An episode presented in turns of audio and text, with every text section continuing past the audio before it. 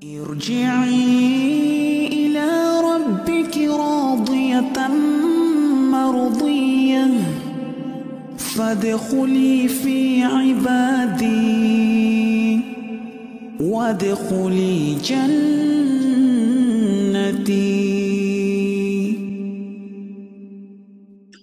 Udah siap Ustaz? Baik. Waktu dan tempat Anda persilakan Ustaz Zuna, Ustaz Dr. Sofyan Baswedan Lasyama untuk memulai kajian pada pagi hari ini. Tafadhol Mas Guru Ustaz. Baik. Bismillahirrahmanirrahim. Assalamualaikum warahmatullahi wabarakatuh. Waalaikumsalam warahmatullahi wabarakatuh. الحمد لله نحمده ونستعينه ونستغفره ونعوذ بالله من شرور أنفسنا وسيئات أعمالنا من يهد الله فلا مضل له ومن يضلل فلا هادي له أشهد أن لا إله إلا الله وحده لا شريك له وأشهد أن محمدا عبده ورسوله لا نبي ولا رسول بعده صلى الله عليه وعلى آله وصحبه ومن والاه أما بعد طيب kita memasuki tafsir surah Al-Alaq ayat per ayat ya insyaallah.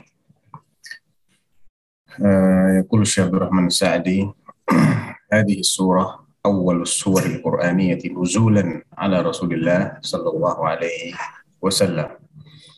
Artinya ini adalah surat yang pertama-tama turun kepada Rasulullah Sallallahu Alaihi Wasallam, walaupun tidak secara utuh ya, فإنها نزلت عليه في مبادئ النبوة إذ كان لا يدري ما الكتاب ولا الإيمان surah ini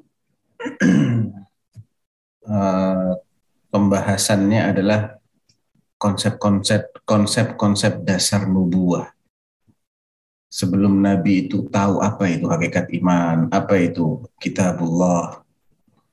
Faja'ahu Jibril alaihi salatu wassalam birrisalah. Jibril pun datang membawa pesan ini, risalah ini. Wa amarahu an yaqra dan menyuruh Nabi Wasallam untuk membaca. Beliau pun menjawab, Ma ana biqari. Saya tidak bisa baca. Falam yazal bihi hatta qara. Terus disuruh oleh Jibril untuk membaca. Dijawab juga, Ma ana biqari. Terus sampai akhirnya Jibril membacakan kepada Nabi Shallallahu Alaihi Wasallam, "Iqra bismi rabbikal ladzi khalaq." Bacalah dengan menyebut nama Rabbmu yang telah menciptakan. Menciptakan apa? Umum al khalq, menciptakan semua ciptaannya secara umum. Karena segala sesuatu adalah ciptaannya Allah Subhanahu wa taala. Kama qala ta'ala, Allahu khaliqu kulli syai'. Allah adalah pencipta segala sesuatu. Wa wa khalaqa kulla syai'in faqaddarahu taqdira. Dan dia yang telah menciptakan segala sesuatu dan dia telah menentukan kadarnya dengan detil. Kemudian setelah menyebutkan bahwasanya Allah ini menciptakan dalam pengertian yang umum, ayat berikutnya mengkhususkan penciptaan manusia. Iqra bismillahirrahmanirrahim khalaq khalaqal insana dia yang telah menciptakan manusia. Uh, bil munasabah munasabah itu bahasa Inggrisnya by the way ya. Bil munasabah fi'il madhi fi'il madhi itu kata kerja lampau itu juga kadang-kadang digunakan untuk menegaskan sesuatu yang akan terjadi secara pasti. Seakan-akan dia telah terjadi. Itu kita sering jumpai dalam Al-Quran.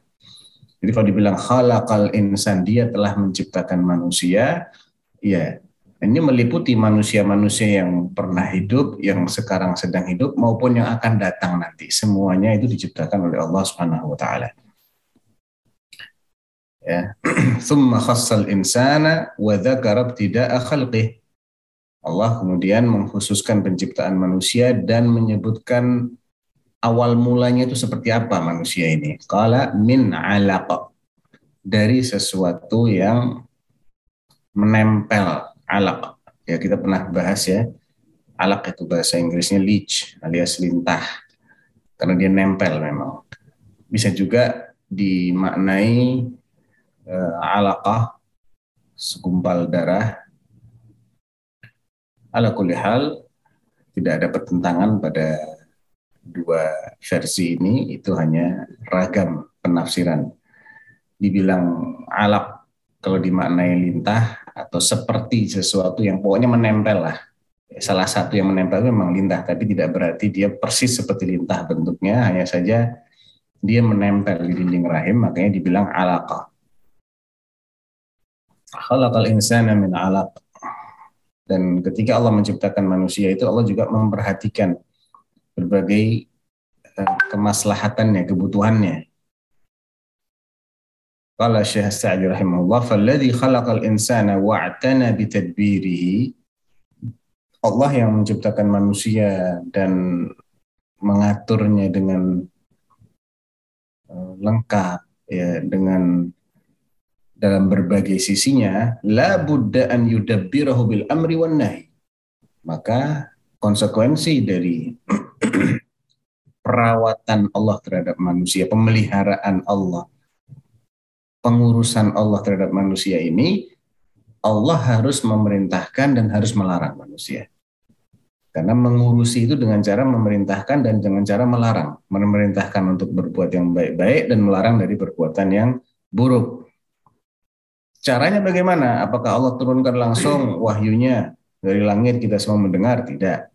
Ya, wadzalika bi irsalir rasuli ilaihi. Itu dengan mengutus utusan untuk mengajari kita ini, yaitu Rasul Muhammad sallallahu alaihi wasallam. Sedangkan untuk mewahyukan kepada Rasulnya dari kalangan manusia, Allah mengutus Rasulnya dari kalangan malaikat, yaitu Jibril. Ya, kan para, para malaikat itu Rasul juga. Kalau Allah Ta'ala, Alhamdulillahi fatiris samawati wal ardi, ja'ilil malaikati rusula. Uli ajnihatin mathna wa thulatha wa ruba. Al-ayah. Dalam surat Fatir itu, awal-awal surat Fatir, Allah mengatakan, ja'ilil malaikati rusula. Dia menjadikan para malaikat itu sebagai rasul-rasul utusan. Apakah Allah butuh kepada malaikat? Enggak Apakah Allah butuh kepada Rasulullah Subhanallah? Enggak juga. Enggak ada satupun dari makhluknya ini yang Allah ciptakan karena Allah butuh kepadanya. Sama sekali. Di Allah karena Allah punya sifat ghaniyun 'anil alamin. Maha enggak butuh kepada alam semesta. Jadi Allah menciptakan bukan karena butuh tapi karena hikmah. Dan berbeda ya antara menciptakan sesuatu karena dia butuh kepadanya dengan menciptakan sesuatu karena hikmah, alasan Alasannya pasti ada, tapi bukan karena Allah butuh. Iqra bismi rabbikal ladzi khalaq khalaqal insana min 'alaq. Iqra wa rabbukal akram. Sebelum ke situ beliau mengatakan uh, jadi cara Allah merintah dan melarang itu adalah pertama bi irsalir rusuli alaihim dengan mengutus rasul kepada mereka wa inzalil kutubi alaihim dan juga dengan menurunkan kitab ya. Menurut kitab. Dibilang kitab karena dia itu asalnya tertulis. Al-Quran ini kalamullah ini tertulis dalam Lauhul Mahfuz. Jadi bukan turun dalam bentuk dalam bentuk kitab bukan ya. Turun dalam bentuk wahyu nggak kelihatan. Tapi wahyu itu bisa dibacakan. Ya dan dia asal muasalnya adalah sesuatu yang tertulis dalam Lauhul Walihada zakara ba'dal amri bil خلقه khalqahu lil insan. Karena itu setelah Allah memerintahkan kita untuk membaca, Allah mencerit atau menjelaskan tentang penciptaan manusia. Jadi ada kaitan. Kitab itu untuk dibaca, untuk difahami, untuk diamalkan. Thumma qara'a, kemudian Jibril membacakan kepada Rasulullah SAW, Iqra' wa rabbukal akram bacalah dan Rabbmulah yang paling mulia. Ay kathirus sifati wasi'uha kathirul karami wal ihsan wasi'ul jud alladhi min karamihi an 'allama bil ilm. Allah memiliki sifat-sifat yang demikian banyak dan demikian santun artinya karam ihsan. Karam itu sifat suka memberi, penyantun, sifat baik.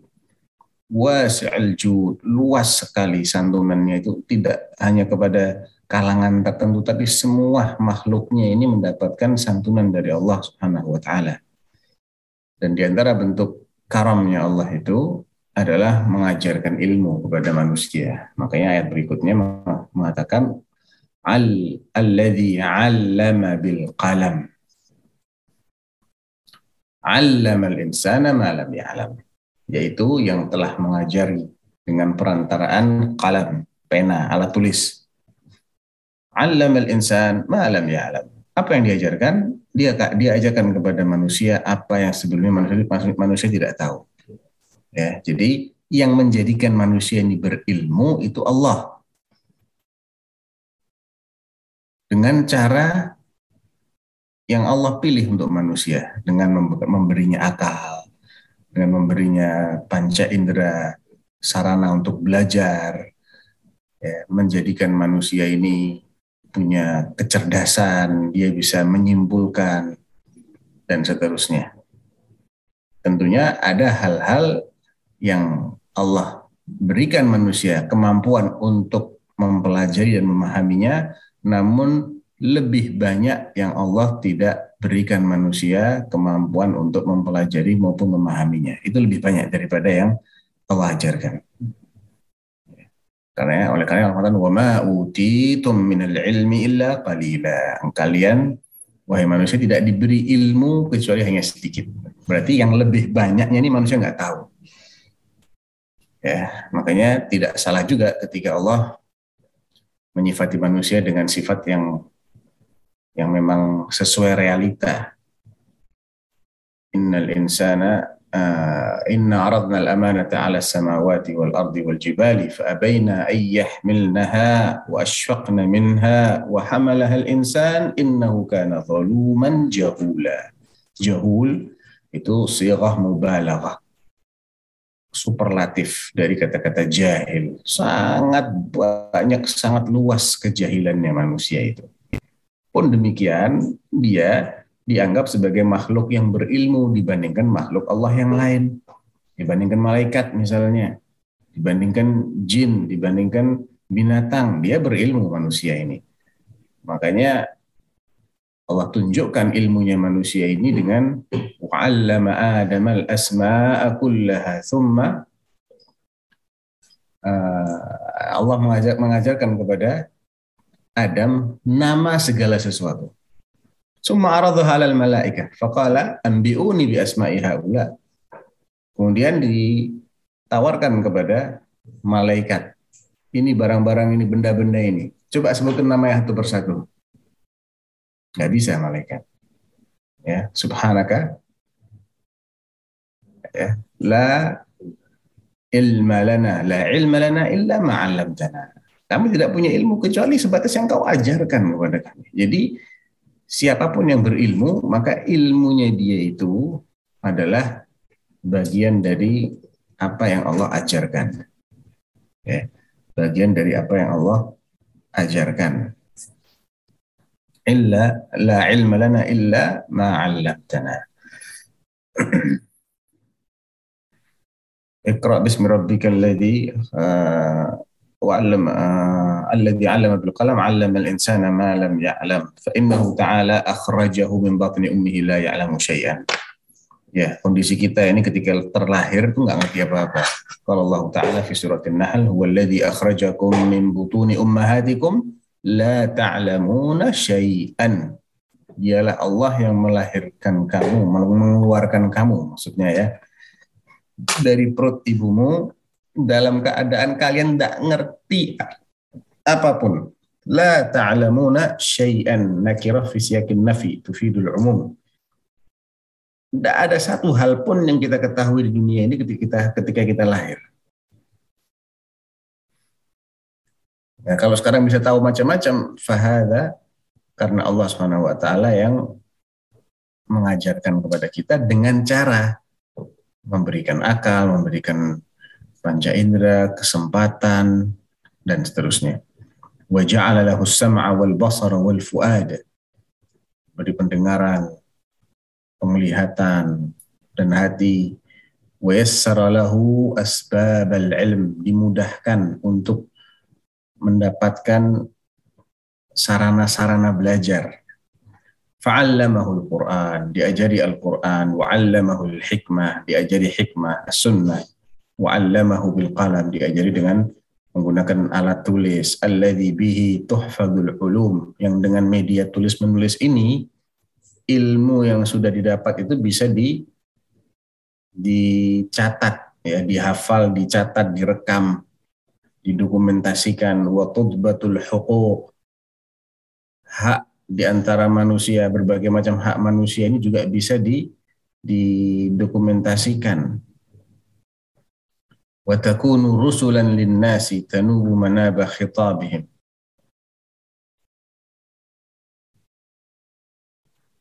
فلله الحمد والمنة الذي أنعم على عباده بهذه النعم التي لا yaqdiruna laha ala jaza wala syukur. Jadi terlalu banyak nikmat-nikmat Allah yang Allah curahkan kepada kita yang mana kita tidak akan mampu untuk sekedar berterima kasih eh, apa namanya eh, yang, yang kita tidak akan mampu untuk membalas dan mensyukurinya secara maksimal. Ya. ثم من عليهم بالغنى وسعة الرزق. Kemudian Allah juga memberikan karunia kepada manusia ini dengan mencukupinya, melapangkan rezekinya. Tapi dasarnya manusia ini jahil dan zalim ya seperti di ayat di akhir-akhir surat Al-Ahzab tadi inna innahu kana zaluman jahula karena punya sifat dasar zalim dan jahil ini maka dia itu merasa sudah nggak butuh lagi sama Allah subhanallah dia merasa anak sudah cukup, anak bisa hidup sendiri, bisa mandiri, independen. Makanya Allah mengatakan, kan kalla innal insana la yatgha ar-ra'ahu Ya, kalla jangan sekali-kali seperti itu.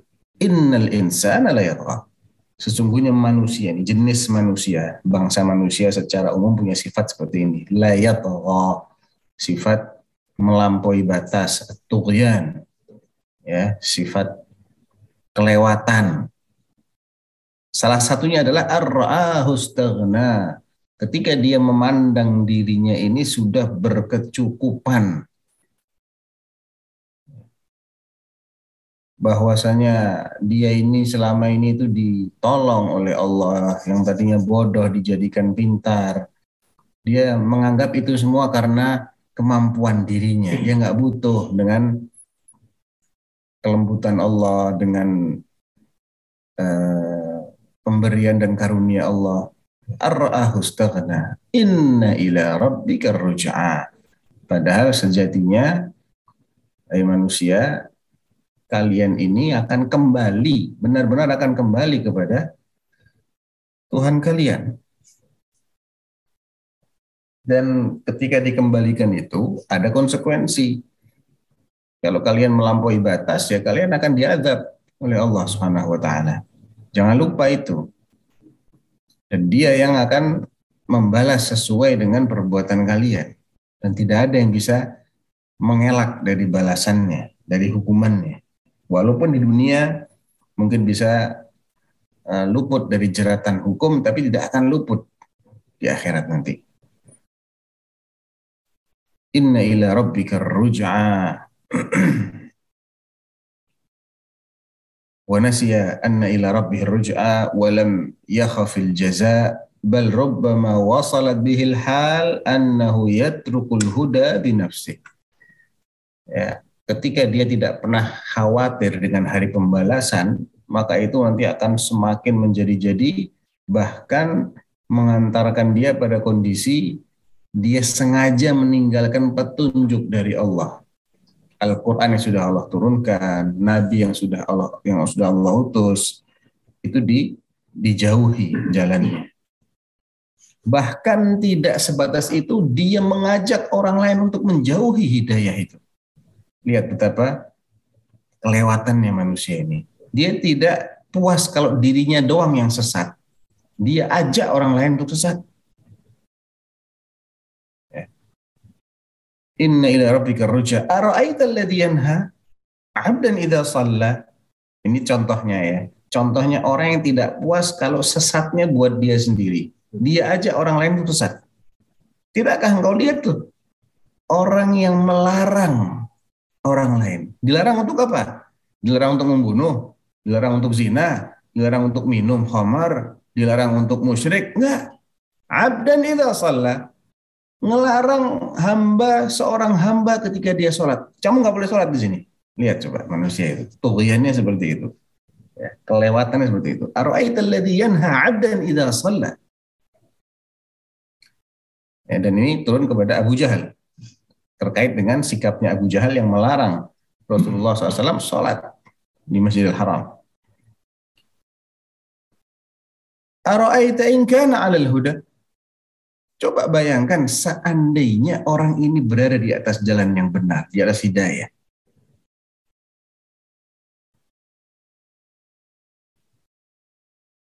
Atau afwan, Ara'aita in kana al-huda. Artinya sekarang bagaimana seandainya yang dilarang untuk sholat itu adalah orang yang berada di atas hidayah. Ara'aita in kana ay kana al-abdul musalli hada hamba yang sholat itu alal huda berada di atas hidayah di atas ilmu dan amal yang tepat ilmu yang pas tentang apa itu kebenaran dan dia kemudian mengamalkan kebenaran itu. Au amara atau bagaimana menurutmu hai yang melarang? Seandainya yang kau larang ini adalah orang yang memerintahkan orang lain untuk bertakwa. Au amara bertakwa apakah pantas orang yang memerintahkan orang lain bertakwa itu justru kau larang? Kau suruh diam. Fahal yahsun an yunha man hadha wasfuh? Apakah orang dengan sifat-sifat dia menegakkan sholat, dia memiliki ilmu, kemudian dia amalkan ilmunya dan dia melarang orang lain dari perbuatan-perbuatan tercela. Apakah pantas orang yang seperti ini dilarang untuk sholat? Alaysa nahyuhu min a'zamil muhaddati lillahi wal muharabati lil bukankah sikap melarang orang yang kondisinya seperti itu merupakan bentuk permusuhan dan penentangan yang paling besar terhadap Allah, terhadap kebenaran. Inna nahya la yatawajjah illa liman huwa fi nafsihi ala ghairil huda. Karena larangan itu harusnya ditujukan kepada orang yang memang berada di atas jalan yang menyimpang yang pantasnya untuk dilarang itu adalah orang yang tersesat, orang yang berbuat jahat. Bukan orang yang berada di atas kebenaran, orang yang berbuat baik dilarang. Au kana ya'muru ghairahu bi khilafit taqwa atau orang yang mengajak orang lain untuk maksiat, untuk durhaka, itu yang dilarang. Thumma qala azza wa jal, au ara'aita in kadzdzaba Lantas bagaimana seandainya yang melarang orang lain untuk menyampaikan kebenaran itu adalah orang yang mendustakan. Si pelarang ini adalah orang yang mendustakan. Ara'aita in kadzdzaba wa tawalla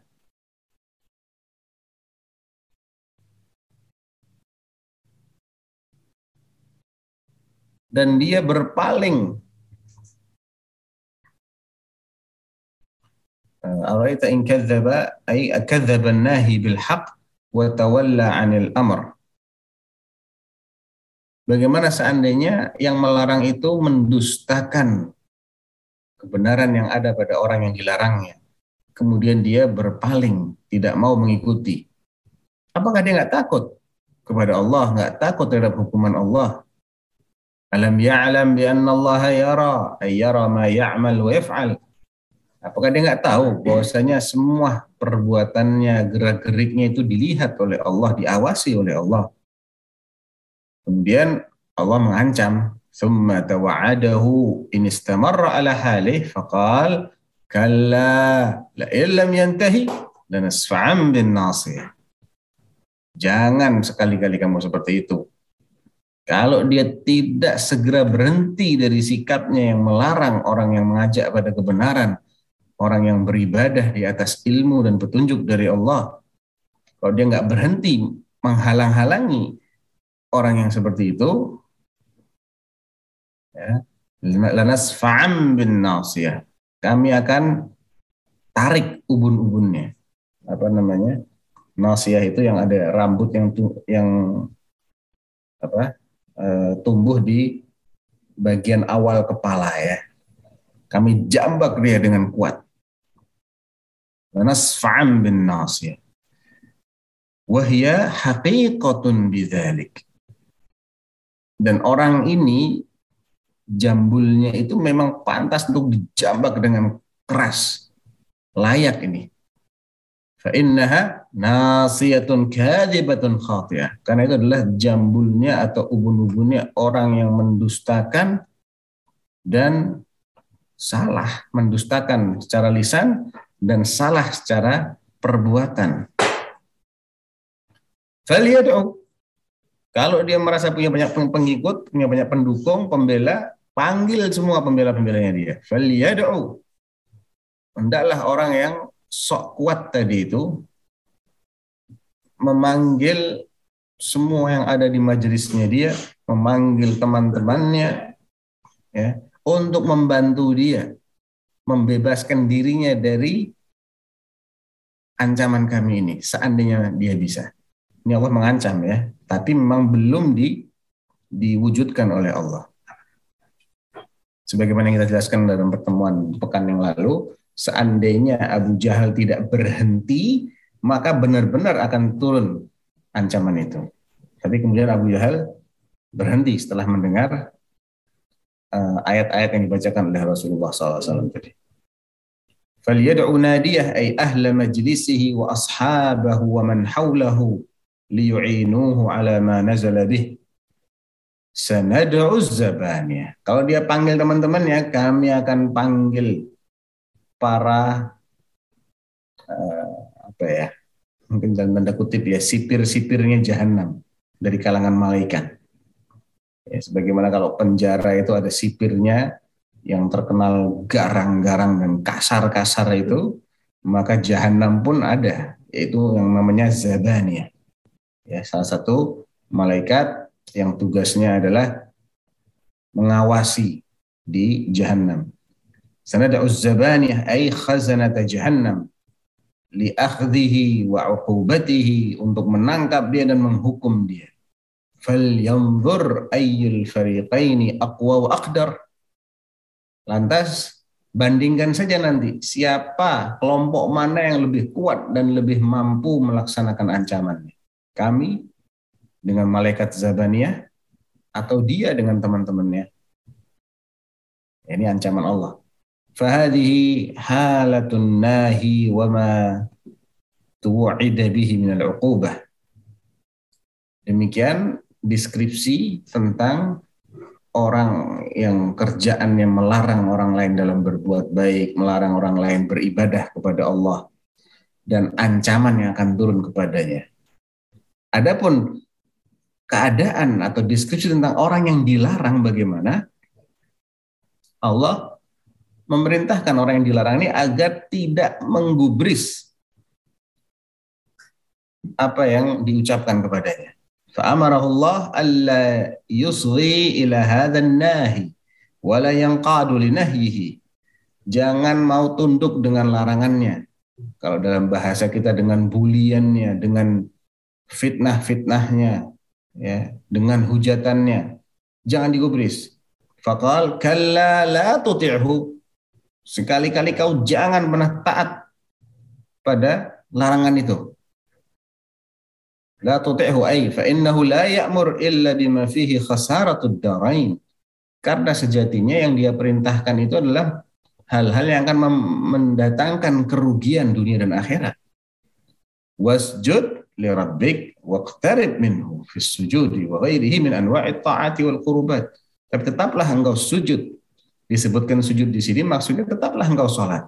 Jadi kadang-kadang metode bahasa Arab itu menyebutkan suatu sesuatu dengan salah satu bagiannya. Seperti warka'u ma'ar raki'in. Maksudnya kita disuruh sholat, bukan cuma ruku doang. Karena kalau ruku nggak dalam rangkaian sholat itu bukan ibadah.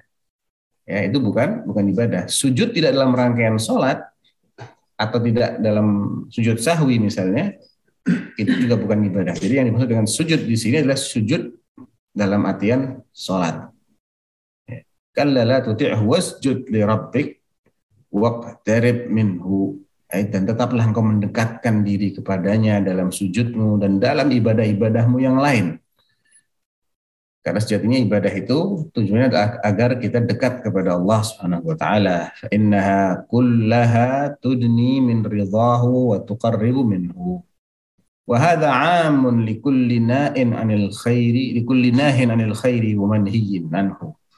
Dan ayat ini berlakunya tidak khusus bagi nabi dan di satu sisi dan Abu Jahal di sisi yang lain, tapi juga berlaku bagi setiap orang yang melarang orang lain dari kebaikan dan berlaku pula bagi semua orang yang dilarang untuk berbuat baik.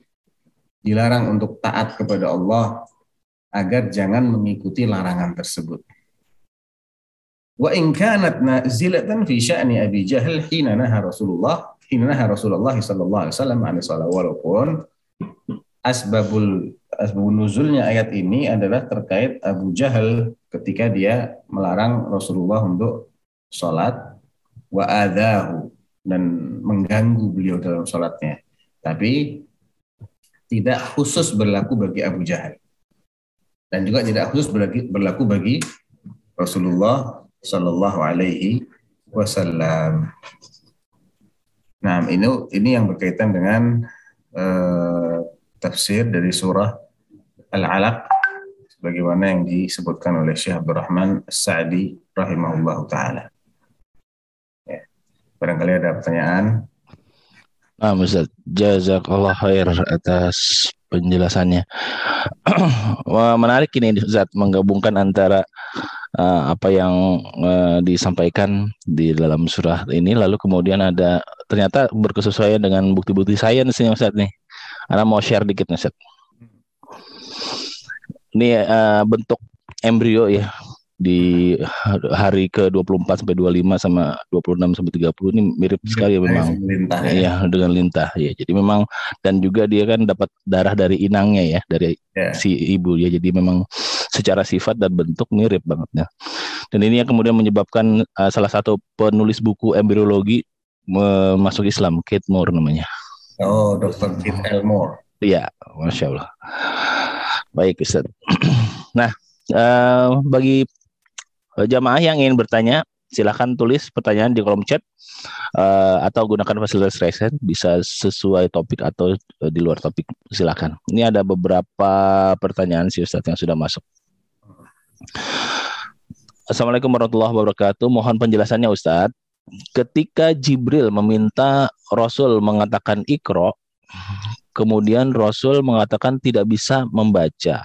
Apakah pada saat menyampaikan surat Al-Alaq ini Jibril menyampaikan dalam bentuk tulisan Al-Quran. Barakallahu fikum Ustaz. Uh, tidak ada korina ya atau indikator ke arah itu. Karena ikro itu tidak harus membaca tulisan. Ya, ikro hmm. itu ikro surat Al-Fatihah. Ikro minal hifad juga bisa. Membaca dari hafalan bisa, membaca sesuatu yang tertulis juga bisa. Tapi yang jelas Nabi itu kan ummi. Jadi kalau dikasih tulisan dia juga nggak bisa baca. Hmm. Jadi justru indikatornya itu tidak ada tulisan di hadapan beliau. Allah a'lam. Jadi beliau menjelaskan saya ini orang nggak bisa baca. Saya suruh baca apa saya nggak bisa baca gitu. Hmm. Masya Allah. Baik Ustaz. Ini ada pertanyaan apabila kita membaca surat ini dalam sholat, apakah kita wajib langsung sujud tilawah setelah ayat terakhir yang merupakan ayat sajdah atau boleh tidak sujud tilawah Ustaz? Sujud tilawah itu sunnah, bukan Hmm. suatu yang wajib ya sunnah. Sebaiknya sujud tilawah. Tapi jika tidak juga tidak mengganggu keabsahan sholat, tidak mengurangi keabsahan sholat. Nah, Hmm. Nah, Ustaz. Ini ada pertanyaan lagi pada saat proses pembentukan manusia salah satunya ada yang dinamakan mudghah. Apa ya kah yang dimaksud dengan mudghah? mudghah itu dari kata madagha yamdaghu, artinya ngunyah. Hmm. Mengunyah sesuatu habis itu di, dilepeh, Hmm. keluarkan. Bentuknya itu kan nggak beraturan. Hmm. Nah, itu namanya mudghah. Sama mudigah sama mirip. Hmm. Kan ada mudigah. Bisa aja itu. Hmm. Artinya kan madagha yamdaghu mudghah. Hmm. Di ayatnya itu mudghah. Jadi pakai ghain. Iya. Cuman mungkin diserap ke dalam bahasa kita jadi mudghah gitu. Hmm. Soalnya dari proses embriologi itu ada namanya mudigah Ustaz. Jadi ada ada tahap-tahapan gitu dari Coba antum share coba dok. ini aneh enggak? Eh, ini nih. Yang nggak beraturan gitu. Jadi kemudian mulai dia terbentuk eh, apa namanya? Summa eh, apa namanya?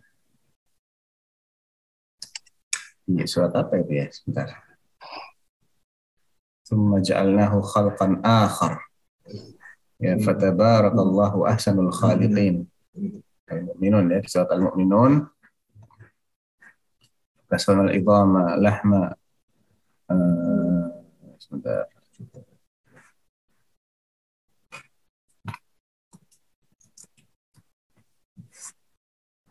Ini.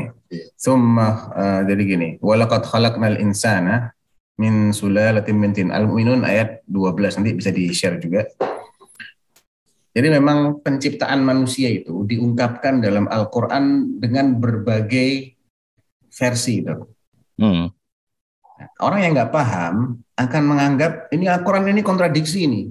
Katanya min turab, kok dibilang lagi min tin, kok dibilang lagi min salsalin min hama'in mas- masnun, Hmm.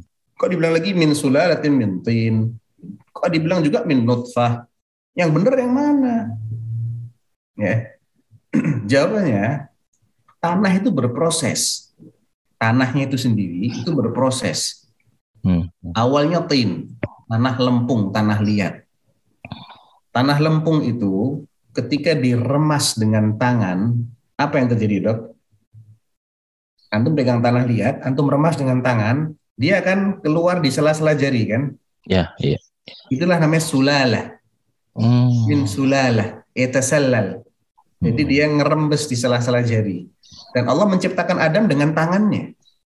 Hmm. Maka kalau Allah, ya iblis, ma mana'aka an tasjuda lima khalaqtu biyadayya. Dengan kedua tanganku. Dan tangannya Allah itu punya jari-jari. Hmm. Ya, jangan terbayang ya. Jangan Hmm. seperti apa jangan. Yang jelas secara bahasa kita kita terjemah secara bahasa kalau kita meremas tanah tanah lempung dia akan keluar dari sela-sela. Itulah yang namanya min sulalatin min tin. Hmm. ya di ayat yang lain min hama'im masnun tanah lempung itu lama-lama dia akan bau ya kan Hmm. akan menimbulkan itu itulah yang namanya min hama'in masnun ketika itu sudah dibentuk sudah dibentuk seperti orang bikin gerabah. Dari dari lempung dia dia bikin gerabah ya bikin gentong atau kendi atau apa. Kemudian dia mengering. Terus di- dipukul gitu dok. Hmm. kan ada ada bunyi gaungnya kan. Min salsalin salsal itu adalah sesuatu yang mengering dan dia ada rongganya sehingga ketika dipukul ada suara yang menggema dalamnya. Itulah yang namanya salsal. Jadi Adam prosesnya emang begitu. Hmm. bahkan konon iblis itu keluar masuk dia. Sebelum Adam dikasih roh. Ya keluar masuk dia. Karena apa? Banyak rongganya. Min salsalin min hama'in masnun. Hmm. Nah, ketika Allah bercerita tentang zuriyahnya Adam, anak cucunya Adam, bahasanya beda. Bahasanya adalah nutfah. Hmm. Jadi kadang yang dibahas manusia ini adalah induknya manusia, cikal bakalnya manusia, yaitu Adam. Kadang yang dibahas adalah anak keturunannya. Thumma ja'ala naslahu min sulalatin mintin di ayat yang lain ya. Kemudian Allah menciptakan anak cucunya Adam ini dari atau min min nutfatin mimma mahin ya. Allah menciptakan anak cucunya Adam ini dari nutfah, dari mani, dari air yang dianggap hina. Dalam surat Al-Mu'minun Allah mengatakan apa? Walaqad khalaqnal insana. Insan di sini artinya siapa? Induknya. Karena apa? Min sulalatin min tin. Jadi Hmm. tadi tuh lempung yang um, apa istilah bahasa Indonesia-nya apa itu ya? Yang ketika diremas dia akan keluar lewat sela-sela jari. Terjemahannya Iya, iya. Gimana gimana? Kalau minum ayat 12 dok. Sebentar, sebentar, sebentar. Al-Mutminun ayat 12 ya. Juga Hmm. Dan sungguh kami telah menciptakan manusia dari saripati atau berasal dari tanah. Gitu ya. Mm. Ya ini terjemahannya memang apa ya? eh, Umum ya. umum sekali. Iya, iya. Jadi eh, Imam Ahmad ketika ditanya tentang ini kok macam-macam nih gimana, beliau menjelaskan seperti itu. Hmm. Ya penjelasan Imam Ahmad ini menunjukkan bentuk-bentuknya nutfah, apa bentuk-bentuknya tanah tadi itu dari mulai lempung yang lembek, kemudian kalau diremas dia akan itu tadi menyelinap di sela-sela jari Hmm. eh, dan seterusnya. Min hamma masnun itu ada di surah kalau nggak salah surah Ibrahim atau surat Ar-Ra'd dari lempung yang bau yang berwarna kemerah-merahan, kemudian nanti menjadi sol-solin Eh, di surat apa itu? Kal-Fakhar kan? Surat Ar-Rahman. Eh, min sol-solin kal-Fakhar. Fakhar itu gerabah. Sol-sol itu yang kalau dipukul tung gitu kan ya. Gentong itu kalau dipukul kan Hmm. ke dalamnya rongga dia dari anu jadi akan menimbulkan suara seperti gerabah itu proses semua itu sebelum ditiupkan ruh setelah ditiupkan ruh jadilah dia Adam yang sempurna Hmm. nah, jadi di ayat yang 12 dan thumma ja'alnahu nutfatan kemudian kami jadikan dia manusia ini ya maksudnya anak cucunya manusia Hmm. berupa nutfah. Nutfah itu ya tetes tetesan mani tadi fi qararim makin di tempat yang kuat rahim itu di- dibilang oleh Allah sebagai tempat menetap yang makin yang kokoh. Thumma khalaqna nutfata alaqatan. Ayat berikutnya ayat ke-14 kami kemudian menciptakan yang dari nutfah itu menjadi alaqah yang nempel tadi itu ya Ya. entah itu segumpal darah ataukah yang nempel tadi. Dua-duanya benar. Fakhalaqnal 'alaqata mudghatan. Kemudian kami ciptakan lagi dari alaqah tadi seperti menjadi mudghah. Terjemahannya biasanya apa? Sekerat daging ya. Iya, daging segumpal daging. Tapi secara bahasa, dia kata madgha yamdaghu, mudghah. Sesuatu yang dikunyah-kunyah. Antum bisa tunjukkan enggak gambarnya, Dok? Murgah itu ya. Ah, Um, Anda mesti cek dulu ininya Ustadz karena uh, ada uh, di bu textbook ya embryologi yang with uh, Quranic edition. Itu tapi Anda belajarnya 30 lebih dari 30 tahun yang lalu ya pas tingkat satu.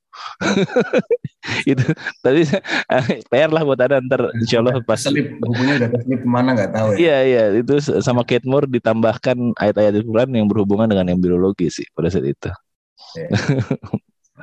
Nanti Anda cari di. Baru kemudian terbentuknya tulang. Jadi mulai yang yang tidak beraturan tadi embrio tadi mungkin ya. Mungkin di kita namanya embrio tapi sebelum dia mulai itu sebelum kelihatan bentuk kepalanya yang pertama kali diciptakan itu idham. Idham apa namanya? tulang belakang. Dia muncul. Ya, tulang belakang terbentuk nanti mulai dia dibungkus oleh daging ya fakasawna al-'idhama lahma. Kami bungkus tulang itu dengan daging. Jadi tulangnya terbentuk dulu, baru kemudian dagingnya terbentuk, otot-ototnya. Hmm. Tsumma ansya'nahu khalqan akhar. Kemudian kami tumbuhkan dia menjadi makhluk yang lain, benar-benar berbeda. Tadinya kayak lintah, terus kayak bentuknya nggak beraturan, mulai dia menjadi manusia yang berbeda. Fatabarakallahu ahsanul khaliqin. Maka maha berkah Allah sebaik-baik pencipta. Dan Allah jelaskan dalam ayat yang lain, kalau Allah itu mau, Allah akan rubah bentuknya menjadi yang nggak sewajarnya. Contohnya di surat apa itu Allah bilang ya? Fi ayyi suratin ma rakkabak. Dalam di surat apa itu ya? Fi ayyi suratin. Di surat sebelumnya Al-Infitar, Dok. Coba Dok. Buka surat Al-Infitar. Pernah kita bahas. Ya ayyuhal insan, ma gharraka bi rabbikal karim alladhi khalaqaka fasawwaka fa'adalak. Ayat berapa Ustaz? Ayat eh, 6 7 8.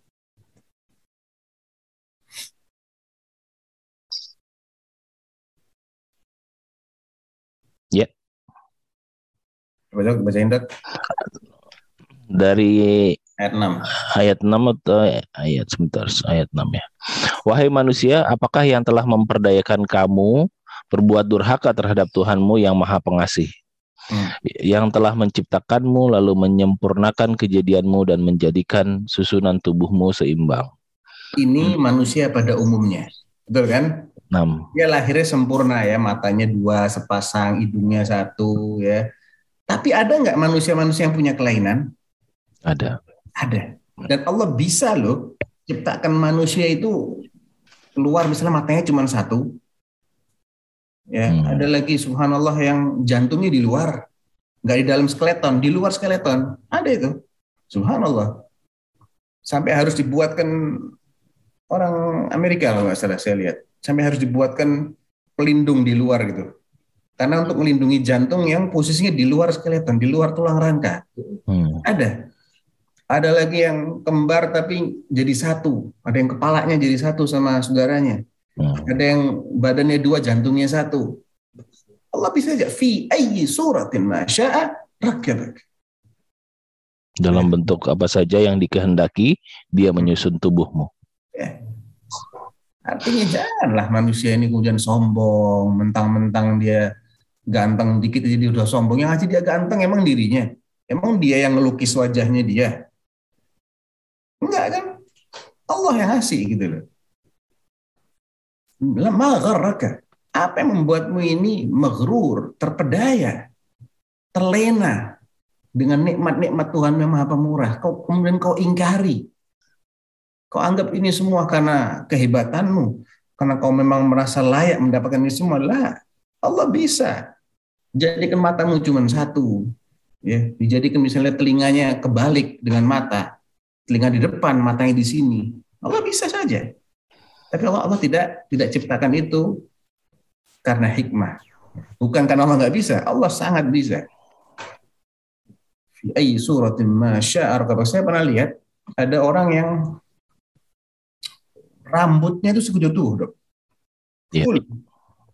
Men mata cuman matanya dong, ini rambut semua mukanya. Hmm. Nah, Nah, Ustaz. Masya Allah, barakallahu fikum. Nah, ja- baik, ini pertanyaannya.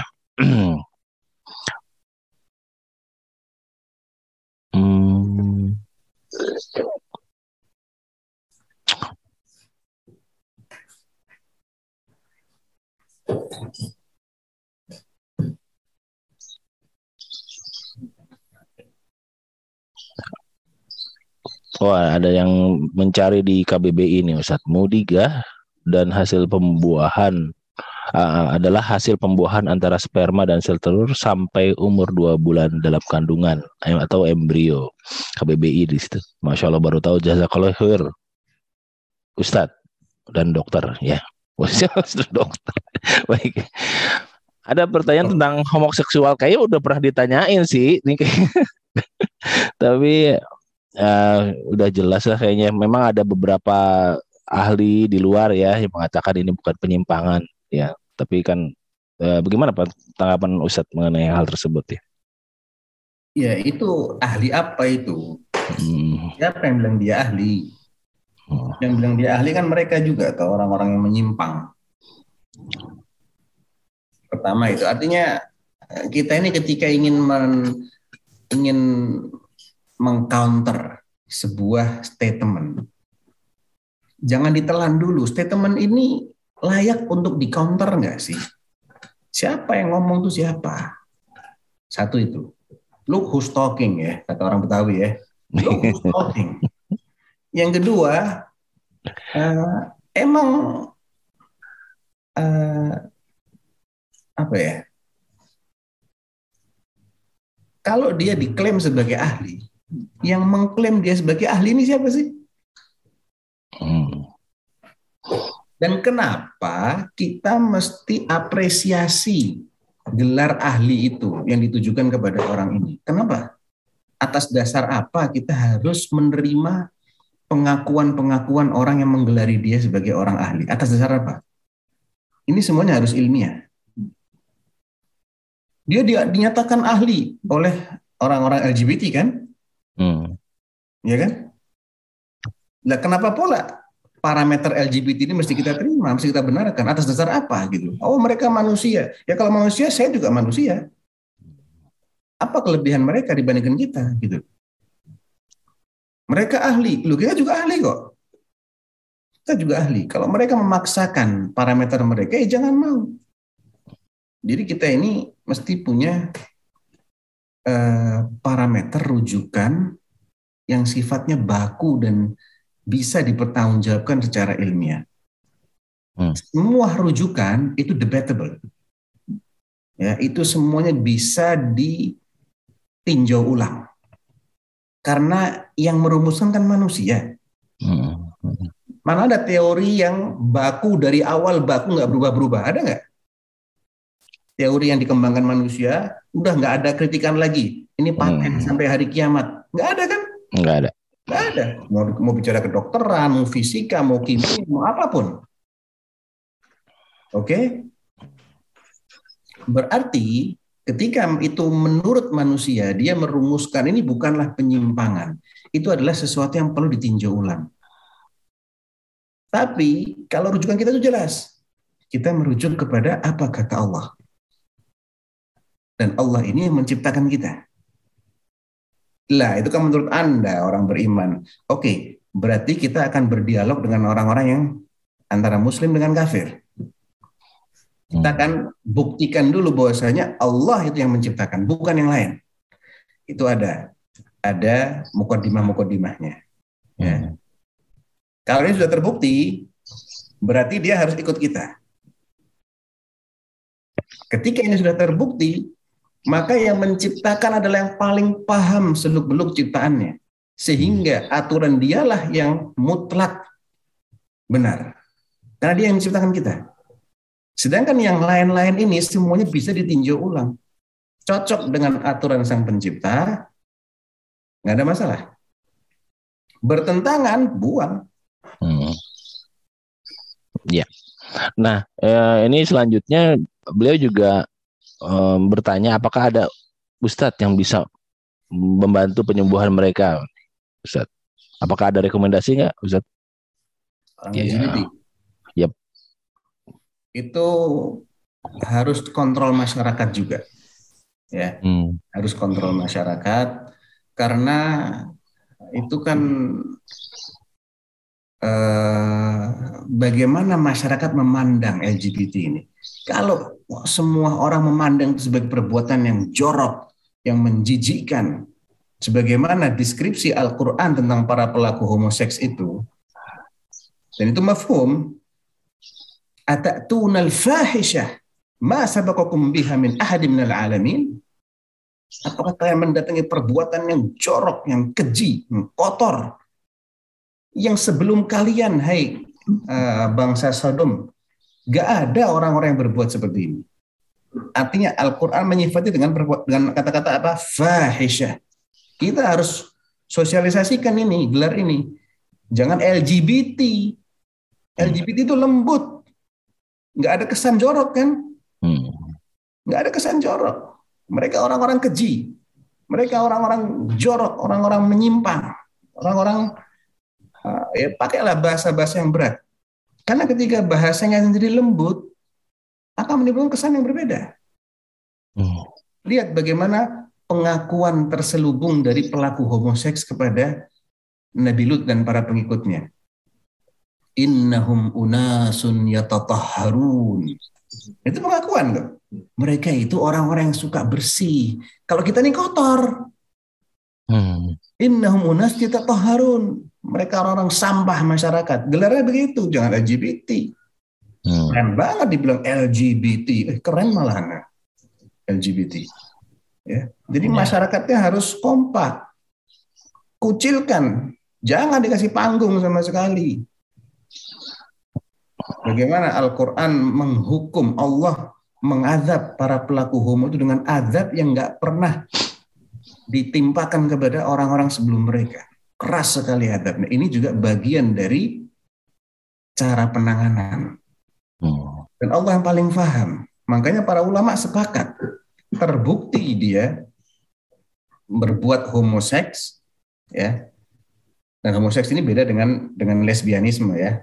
Walaupun itu tercela juga, bukan berarti eh, apa namanya kemudian nggak apa-apa yang lesbian, nggak itu tercela juga. Cuman yang homo ini lebih berat siksaannya. Hmm. Para ulama kita sepakat dia dieksekusi, cuman caranya aja mereka hilaf. Ada yang mengkiaskan dengan bagaimana Allah mengadab kaumnya Nabi Lut dijatuhkan dari bangunan paling tinggi di tempat itu. Kalau di Jakarta mungkin dari Monas. Monas ya. Dorong dari Monas jatuh lemparin batu. Karena kan Allah faj'alna 'aliyaha safilaha. Ya, wa amtarna 'alaihim hijarah. Kemudian kami hujani batu. Udah udah jatuh dirajam juga dari atas. Ada lagi yang walhasil pokoknya sepakat untuk di dihilangkan nyawanya tapi caranya mereka beda pendapat. Nah, Ustaz. Barakallahu. Baik, ini ada pertanyaan dari seorang ikhwan, Ustaz. Apakah riwayat Israiliyat dan riwayat yang tertulis di Injil adalah sesuatu yang sama, Ustaz? Mohon pencerahannya. Jazakallah khair. Eh, bisa ya, bisa enggak. Karena Injil sendiri itu kan memang sudah tidak asli 100% ya. Taurat maupun Injil itu sudah tidak asli 100%. Sehingga eh, ada kemungkinan yang kita dapati itu adalah yang direkayasa oleh mereka. Riwayat Israiliyah itu adalah riwayat-riwayat yang dinukil oleh Bani Israel. Tidak melalui jalur kita. Artinya, Al-Quran tidak membenarkan dan Nabi juga tidak pernah menceritakan narasi yang sama.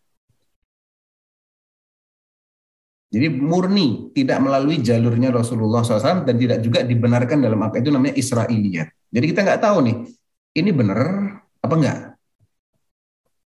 Ada kisah-kisah yang mereka nukil dari kitab-kitab mereka yang itu masuk kategori Israiliyat. Dan kita disuruh menyikapi dengan la tusaddiquhum wa la. Jangan kalian dustakan, jangan pula kalian percayai. Karena kita nggak nggak punya parameter untuk menganggap itu benar atau salah. Artinya dalam Al-Quran, dalam Sunnah tidak ada dalil yang menyalahkan dan juga tidak ada dalil yang yang membenarkan. Ada ada dua kemungkinan. Dia bisa benar, bisa salah. Ya sudah, anggap aja sebagai eh, apa sekedar wawasan saja. Jadi jangan dijadikan sebagai dalil, jangan pula didustakan karena boleh jadi itu adalah bagian dari Taurat ataupun Injil yang masih otentik. Hmm. Ada kemungkinan, tapi ada juga kemungkinan kedua itu termasuk yang sudah mengalami distorsi. Kalau dia sudah terbukti berdasarkan dalil Al-Quran itu salah, ya kita dustakan.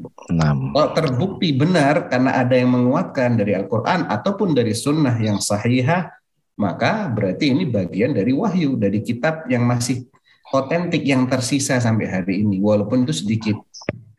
Allah. Keterangan-keterangan Israiliyat ini kan sering dipakai dalam pembahasan-pembahasan syirah, sejarah kayak gitu ya Ustadz ya. Itu bagaimana Ustadz? Ya nggak apa-apa. Nggak Yang apa-apa ya. penting kita tahu sikap kita bagaimana. Kan Nabi bilang hadithu an Bani Israel wal haraj. Hmm. Ceritakan aja tuh dongeng-dongengnya Bani Israel. Sekedar untuk istiqnas ya istilahnya istiqnas itu untuk ya sekedar tahu aja ya tapi tidak kita jadikan sebagai dalil untuk menghukumi sesuatu dengan halal haram Hmm. sunnah makruh dan lain-lain. Enggak ini hukum syar'i. Ahkam itu dalilnya harus harus valid. Ya, Hmm. kalau Bani itu sekedar kita mengambil ibroh saja ambil pelajaran. Seandainya memang benar seperti itu ambil pelajaran. Tapi tadi syaratnya ya tidak ada dalil dalam Al-Quran ataupun dalam Sunnah yang menyalahkan kisah-kisah Israel itu. Kalau begitu kita temukan dalil yang menyalahkan, artinya dia bertentangan dengan kaidah secara umum, ya udah kita nggak boleh, kita harus skip, Hmm. nggak boleh kita sampaikan lagi. Kecuali disertai penjelasan. Tapi ini Israiliyat yang batil karena bertentangan dengan kaidah umum syariat begini begini begini bertentangan dengan hadis seperti ini kita mesti kasih Hmm. penjelasan tambahan nggak boleh dilepas begitu saja ntar orang mengira ini benar gitu loh Hmm. Ya, nah Ustaz, Barakallahu fikum. Ustaz, pertanyaan selanjutnya nih Ustaz. Mohon maaf pertanyaannya keluar dari tema Ustaz. Ada keluarga yang sedang dalam proses bercerai. Mohon penjelasan secara syariat terkait dengan harta bersama yang diatur dalam eh, mungkin maksudnya hukum positif ya, yang dikenal dalam kompilasi hukum Islam, hukum negara kita gitu. ya yang menyatakan jika suami istri bercerai maka harta yang didapat setelah menikah dibagi dua walaupun hanya suami saja yang mencari nafkah dengan alasan istri mendapat hak yang sama karena ketika di rumah juga bekerja dan berperan sebagai ibu rumah tangga. Barakallahu fikum Ustaz. Eh, tentunya saya hanya bisa menjelaskan berdasarkan sudut pandang Islam ya sudut pandang Islam. Dan setahu saya juga itu bukan sesuatu yang harus diberlakukan itu kan pilihan ya Ya. betul nggak betul, betul. kan?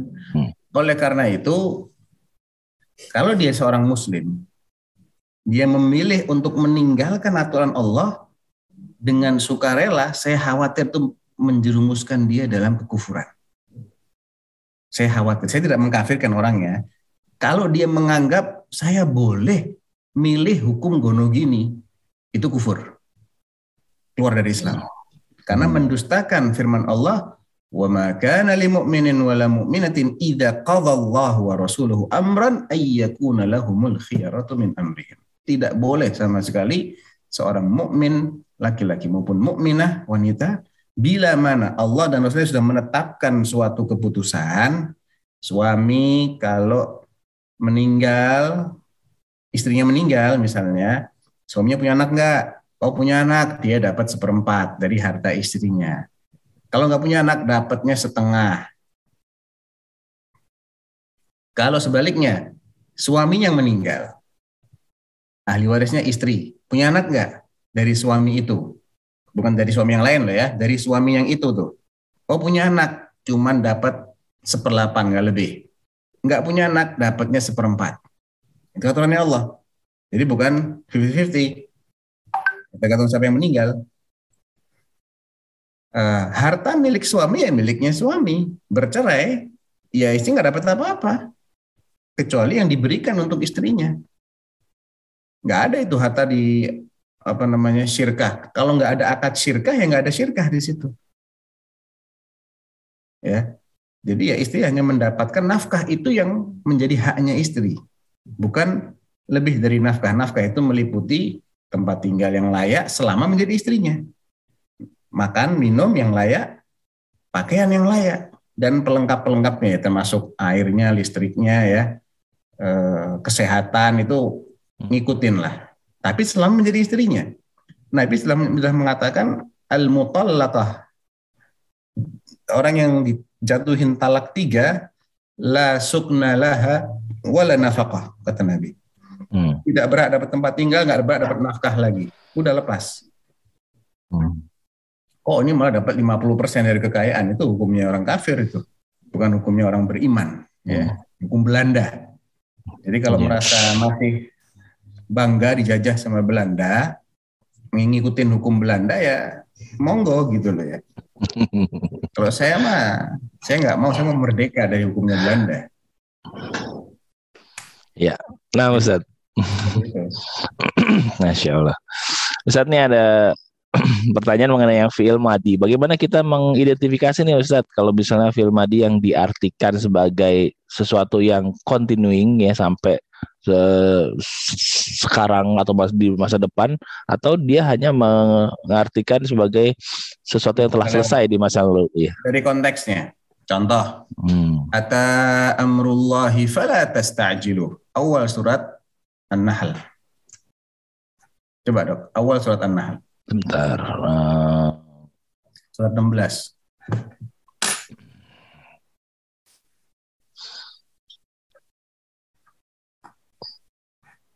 Kata amrullahi fala tastajiluhu. Ata itu fi'il Hmm. madi. Nah, Ata ya'ti mudhari'nya. Tapi Hmm. kenapa ada fala tasta'jilu? hmm. Jangan kamu agak dipercepat. Berarti ini belum datang. Hmm. Contoh lainnya di surat Al-Fajr. Waja'a rabbuka wal malaku Sofan sof ya. saffa. Hmm. Waji'a yawma idzin bijahannam. Jahannam. Udah, udah, udah terjadi atau belum? Belum. Belum. Hari belum. kiamat. Tapi Hmm. karena dia pasti terjadi, digunakanlah fi'il madhi untuk mengesankan ini benar-benar terjadi seperti sesuatu yang sudah terjadi. Hmm. Banyak juga yang lain. Contohnya Wajaat sakratul mauti bil haq dzalika ma kunta minhu tahid. Itu Nabi yang diajak bicara kan? Dan datanglah pakai fi'il madhi juga jaat sakratul maut, sakaratul maut dengan benar. Itulah yang selama ini engkau selalu lari darinya.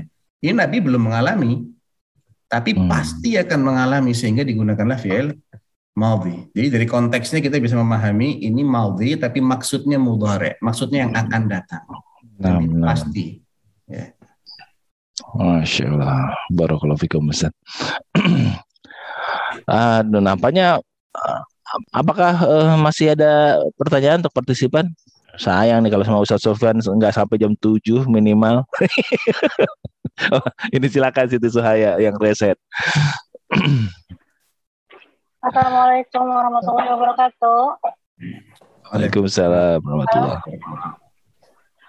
Syukron jazakallah khairan atas eh, kesempatannya untuk bertanya Afwan. Eh, jika saya eh, bertanya eh, ini Pak Ustadz mengenai surat Al-Alaq. Semoga Allah melindungi Pak Ustadz, Amin ya Rabb. melimpahkan kebaikan. Pak Ustadz, saya mau bertanya secara eh, surat Al-Alaq ini, apakah kita diajarkan sama Allah untuk membaca situasi dengan kata bacalah. Lalu eh, jika kita suruh membaca, eh, bukan bu- maksudnya membaca, membaca alam, membaca ciptaan Allah dengan segala eh, kekuasaannya.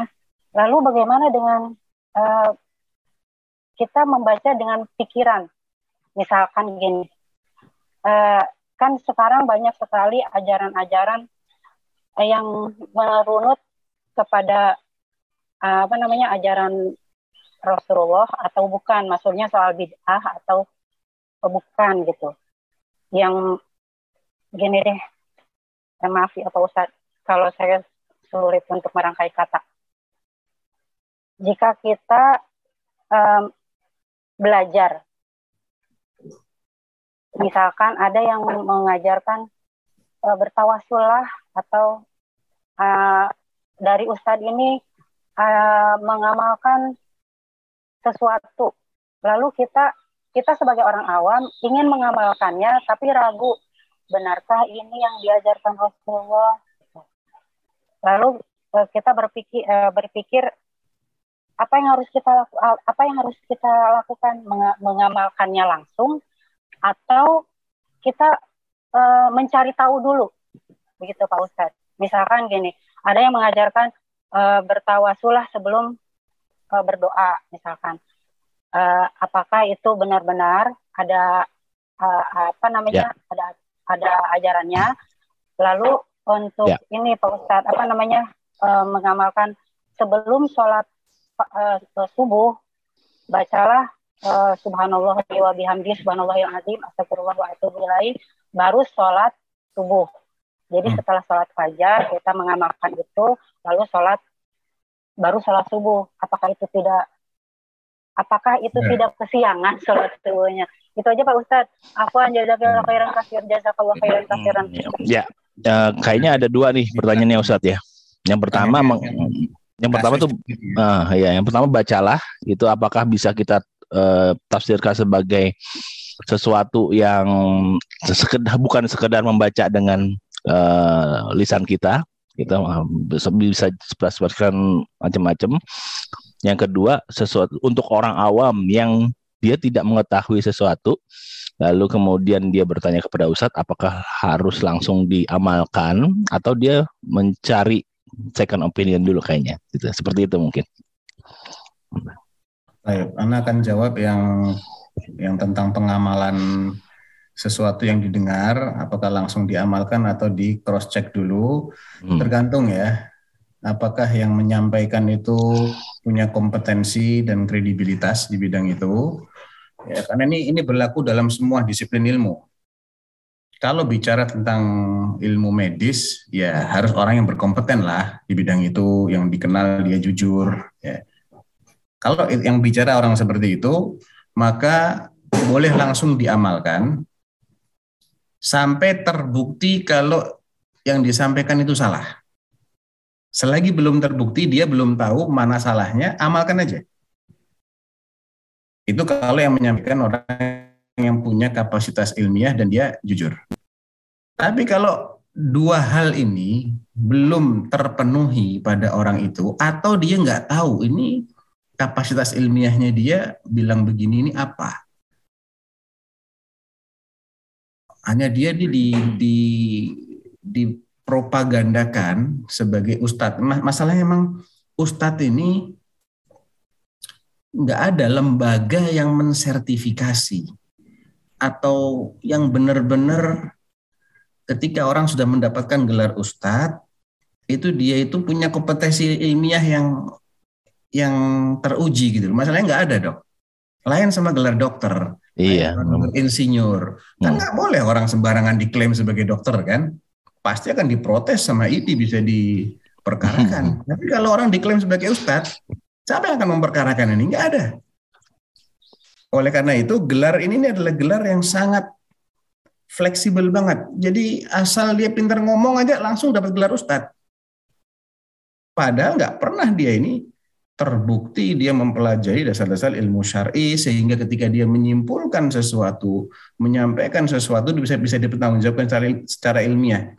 Ini nggak ada apa ya, nggak ada perangkat hukumnya masalahnya, nggak ada yang bisa memfilter siapa yang berbicara di media massa dan itu memang ber- berbicara atas dasar ilmiah dengan yang asal asal bicara saja. Oleh karena itu, saya sarankan lebih berhati-hati.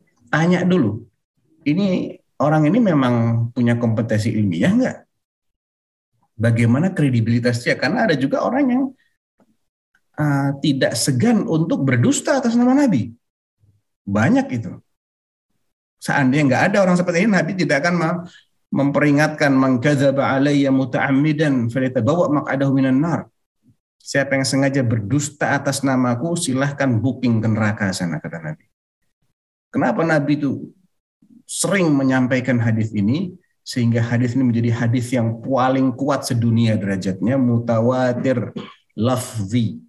Mutawatir secara lafaz, secara redaksional. 70 lebih sahabat yang meriwayatkan ini. Karena memang banyak orang-orang yang akan berdusta atas nama beliau.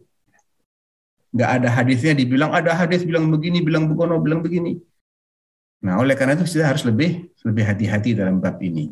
Jadi sikap kita adalah cross check dulu. Adapun masalah yang kasuistik tadi tentang anjuran untuk apa tadi membaca subhanallah wa bihamdi setelah sholat dobliyah fajar dan sebelum sholat subuh setahu saya tidak ada dasar ilmiahnya.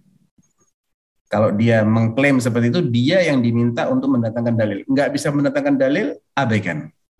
Karena ibadah itu harus ada petunjuk pelaksanaan, bukan kreasi. Allah mencela orang-orang musyrik karena mereka ini suka berkreasi dalam bab ibadah. Padahal ibadah itu harus tunggu perintah. Amlahum syuraka usyara'u lahum minad dini ma lam ya'zan bihillah. Harus ada izin dulu dari Allah. Allah izinkan nggak kita berbuat begini? Dalam rangka korup, nggak ada izin dari Allah, nggak ada perintah, jangan. Haram. Uh, kasus yang berikutnya tadi apa ya? Tawasul. Ya, tawasul sebelum berdoa. Kalau tawasulnya dengan cara-cara yang syar'i bagus. Di antaranya adalah tawasul dengan al-asmaul husna. Walillahil asmaul husna fad'uuhu biha. Ya Rahman, Ya Rahim, irhamni. Ya Ghaffar, Ya Ghafur, Ya Ghafir, ighfirli. Ya Qawi, Ya Matin, Ya Aziz, Ya Jabbar, unsurna alal qaumil kafirin. Kita pilihkan dari nama-nama Allah itu yang sesuai dengan permintaan kita. Kita minta diampuni, pilihkan nama-nama Allah yang mengandung makna pengampun. Kita minta disayang, dirahmati, pilihkan nama-nama Allah yang mengandung sifat rahmah. Kita minta dimenangkan dalam melawan musuh-musuh kita, pilihkan nama-nama Allah yang mengandung sifat kuat, sifat menolong, Nah, itu adalah tawassul yang masyru' atau tawassul minta doa dari orang soleh yang masih hidup dan mendengar permintaan kita ada di dekat kita. Maaf via telepon atau kita datang ke dia tolong doakan saya agar dapat kelancaran. Itu boleh ya boleh. Tidak diharamkan enggak. Tapi yang lebih baik adalah kita langsung doa kepada Allah. Adapun tawasul dengan cara selain itu, maka tidak disyariatkan. Nah, Ustaz. Pak Ustaz kalau tahu, nah, nah, nah, uh, afan, afan Pak Ustaz, untuk memperjelasnya lagi, berarti untuk tawasul uh, kirim al-fatihah untuk Rasulullah itu disyariatkan tidak? Enggak semua Al-Fatihah yang kita baca, semua Al-Quran, semua kebaikan yang kita amalkan atau yang kita ucapkan, otomatis pahalanya nyampe ke Rasulullah tanpa perlu dikirim. Karena Rasulullah yang ngajarin kita itu semua. Ya, otomatis. Ada lu alal khairi mithlu ajri fa'ili. Orang yang menunjukkan pada suatu kebaikan, dia akan dapat pahala seperti pelakunya. Kita tahu dari mana Al-Fatihah. Kan Rasulullah menyampaikan kepada sahabatnya, sahabatnya menyampaikan terus sampai hari ini kan. Berarti otomatis. Ya, seandainya itu tuh sesuatu yang baik, maka para sahabat radhiyallahu anhum udah jauh lebih dulu daripada kita untuk melakukan hal tersebut. Itu itu kaidah ya. Uh, Bu Siti ya sahabat itu Allah sudah sifati mereka dengan sifat apa? Wa kalimatat taqwa wa kanu ahaqqa biha wa ahlah. Di surah Al-Fat ayat 26. Surat 48 ayat 26. Bisa ditampilkan, Dok? Surat Al-Fat. Di tengah-tengahnya itu. Ya wa kanu ahaqqa biha wa alzamahum kalimat taqwa wa kanu ahaqqa biha. Ini ayat itu turun tentang sahabat ya. Hmm. Allah menurunkan ketenangan kepada Rasulnya dan kepada orang-orang mukmin yang nggak ada lain. Orang-orang mukmin di masa itu adalah sahabat Nabi dan Allah mewajibkan kepada mereka Rasul dan orang-orang mukmin alias sahabat itu tetap taat menjalankan kalimat takwa dan mereka lebih berhak dengan kalimat takwa itu dan mereka lah ada yang lebih pantas untuk memiliki sifat takwa itu. Jadi patokan kita itu jelas. Kalau ini baik, mereka lebih dulu daripada kita, nggak mungkin. Kita hmm. lebih dulu daripada nggak mungkin. Udah. Kalau kita mengklaim kita lebih paham bagaimana cara bertakwa, naudzubillah, berarti ayat ini gimana? Benar apa salah? Allah bilang mereka yang ahaqqa biha wa ahlaha. Enggak mungkin ayatnya salah. Klaim orang itulah yang salah. Gitu. Mengenai Iqra kayaknya belum dibahas ya Ustaz. Ah, Ikro Anda mesti rujuk tafsir-tafsirnya dulu dok. Insya Allah. Ya. Ah, Baik. ya. Baik Ustaz, jazakallah khair. Berikutnya Umu Iqbal yang sudah resen. Ini dapat diskon lagi nih. Oh iya, Masya Allah. Karena kan Anda kalau misalnya sama Ustaz Suman ditanya jawab. Terakhir ya, Umu Iqbal, silakan. Cepat ya, singkat jelas tepat. Hmm. Masya Allah. Jazakallah, jazakumullahu khair atas waktu yang telah diberikan untuk anak. Barakallahu fiikum ajma'in. Uh, Ustadz Afwan tadi dijelaskan bahwasanya uh, Rasulullah SAW adalah umi sehingga uh, apa namanya ketika menerima wahyu itu tidak dalam bentuk teks atau tulisan Ustadz ya. Uh, Afwan jika salah uh, anak anak menyimpulkan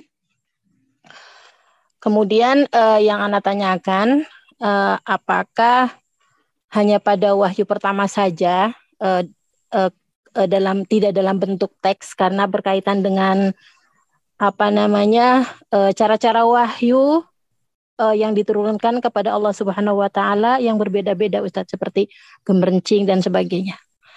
Uh, jazakallahu khair atas ilmunya. Barakallahu fiik. Ya. Assalamualaikum warahmatullahi wabarakatuh. Salam. Jadi intinya apakah cuman di kali pertama aja tidak turun berupa teks atau seterusnya? Jawabnya seterusnya. Ya seterusnya. Kalau turun berupa teks dan Nabi bisa membaca itu malah akan menjadi dalil alibi buat musuh-musuh beliau untuk membenarkan tuduhan mereka selama ini. Oh dia kopas dari ahli kitab, gitu kan? Jadi Nabi itu sampai akhir hayatnya ummi. Ya, Nabi sampai hayatnya ummi eh, apa namanya? Huwallazi ba'atha fil ummiyin rasulan minhum ay minal ummiyin dialah Allah yang telah mengutus kepada bangsa Arab yang itu buta huruf. Aliasnya mayoritasnya buta huruf enggak semua enggak 100% ya. Al hukmu lil ghalib ini kaidah ya. Kaidah ini insya Allah internasional nih ya. Lintas agama lintas disiplin ilmu. Hukum itu mesti berdasarkan kasus yang mendominasi. Di mana-mana kayak gitu ya. Bangsa Arab di masa itu adalah bangsa yang buta huruf mayoritasnya. Buktinya Zaid bin Sabit bisa nulis Ali bisa nulis ya. Yang nulis perjanjian Hudaybiyah itu Ali Muawiyah bisa nulis. Menjadi juru tulisnya Rasulullah SAW ada sejumlah tapi kecil sedikit jumlah mereka. Termasuk Nabi sendiri tidak bisa menulis. Jadi jelas Nabi itu adalah Nabi alladzina yattabi'una ar-rasula an-nabiyyal ummi jelas ummi. La yaqra wa la yaktub. La yaqra wa la yaktub. Maksudnya membaca tulisan ya. Tapi bisa membaca tanpa melihat kepada teks karena dia bersifat wahyu. Ada yang turun berupa gemerincing lonceng itu yang paling berat. Ada yang mimpi sifatnya. Ada lagi yang pemahaman yang Allah berikan kepada Nabi itu itu bentuk-bentuk wahyu seperti itu. Tapi nggak nggak ada yang turun berupa tulisan nggak ada. Ya. Allah. Nah, Ustaz, Masya Allah, jazakallah khair dan barakallahu fikum Ustaz. Dan, dan kita dapat bonus 10 menit nih. Terima kasih Ustaz, semoga Ustaz selalu dilindungi kesehatannya sama Allah Subhanahu wa taala dan juga untuk keluarga sehingga bisa memberikan ilmu-ilmunya yang bermanfaat insya Allah buat kita semua. Dan untuk eh, para partisipan kalau ingin mendengarkan ulang silahkan simak di podcast Tolong Ilmu FKW angkatan 91 di Anchor FM ataupun di Spotify ya. Dan eh, ini masih banyak pertanyaan yang keluar nih sebetulnya. Tapi simpan aja dulu nanti untuk di pertemuan pekan depan ya. Dan ya apa kalau bisa dicatat sehingga tidak terlupa apa yang ingin ditanyakan di kesempatan kali ini. Baik Ustaz, eh, Anda tutup dengan doa kafaratul majlis. Subhanakallahumma wa bihamdik asyhadu an la ilaha illa anta astaghfiruka wa atubu ilaik. Assalamualaikum warahmatullahi wabarakatuh. Waalaikumsalam warahmatullahi wabarakatuh.